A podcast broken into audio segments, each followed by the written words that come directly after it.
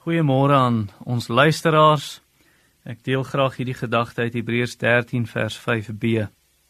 Want die Here het gesê, ek sal jou nooit begewe en jou nooit verlaat nie.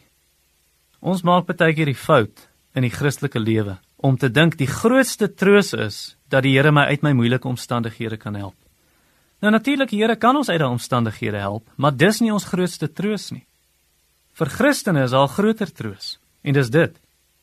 Waar die Here jou in moeilike omstandighede plaas, hy laat dit toe in jou lewe. Kan jy weet hy is met jou?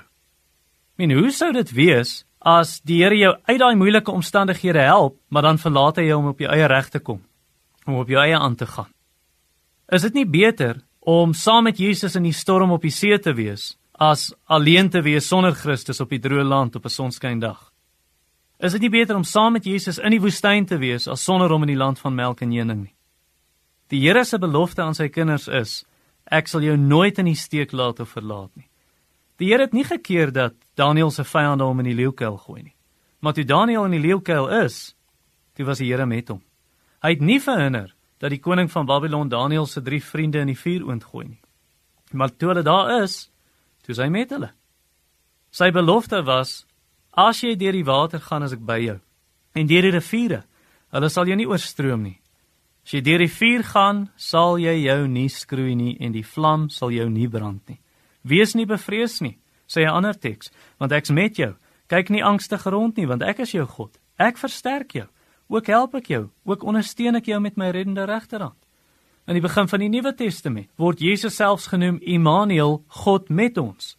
Aan die einde van dieselfde boek Matteus sê Jesus vir sy disippels en kyk ek is met julle al die dae tot aan die volëinding van die wêreld. Nou hoekom is dit so dat die Here beloof om ons nooit te verlaat nie?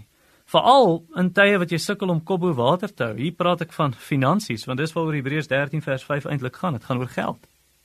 En hier is die rede hoekom. Toe Jesus aan die kruis hang en dit donker word, toe roep hy uit: "My God, my God, waarom het U my verlaat?" So op Golgotha het Christus ons sonde gedra en die straf wat ons verdien het en die Vader het sy aangesig weggedraai van sy eie seun en juis daarom sê God ek sal jou nooit begewe en verlaat nie. Ek sal nooit my gesig van jou wegdraai nie. Die Carson sê Jesus het uitgeroep my God my God waarom het u my verlaat sodat ons dit nooit hoef te sê nie? Vir 'n Christen is dit 'n geweldige troos in 'n wêreld vol beproewing. En dis vir alle troos wanneer jy op die finale dag voor die Here gaan staan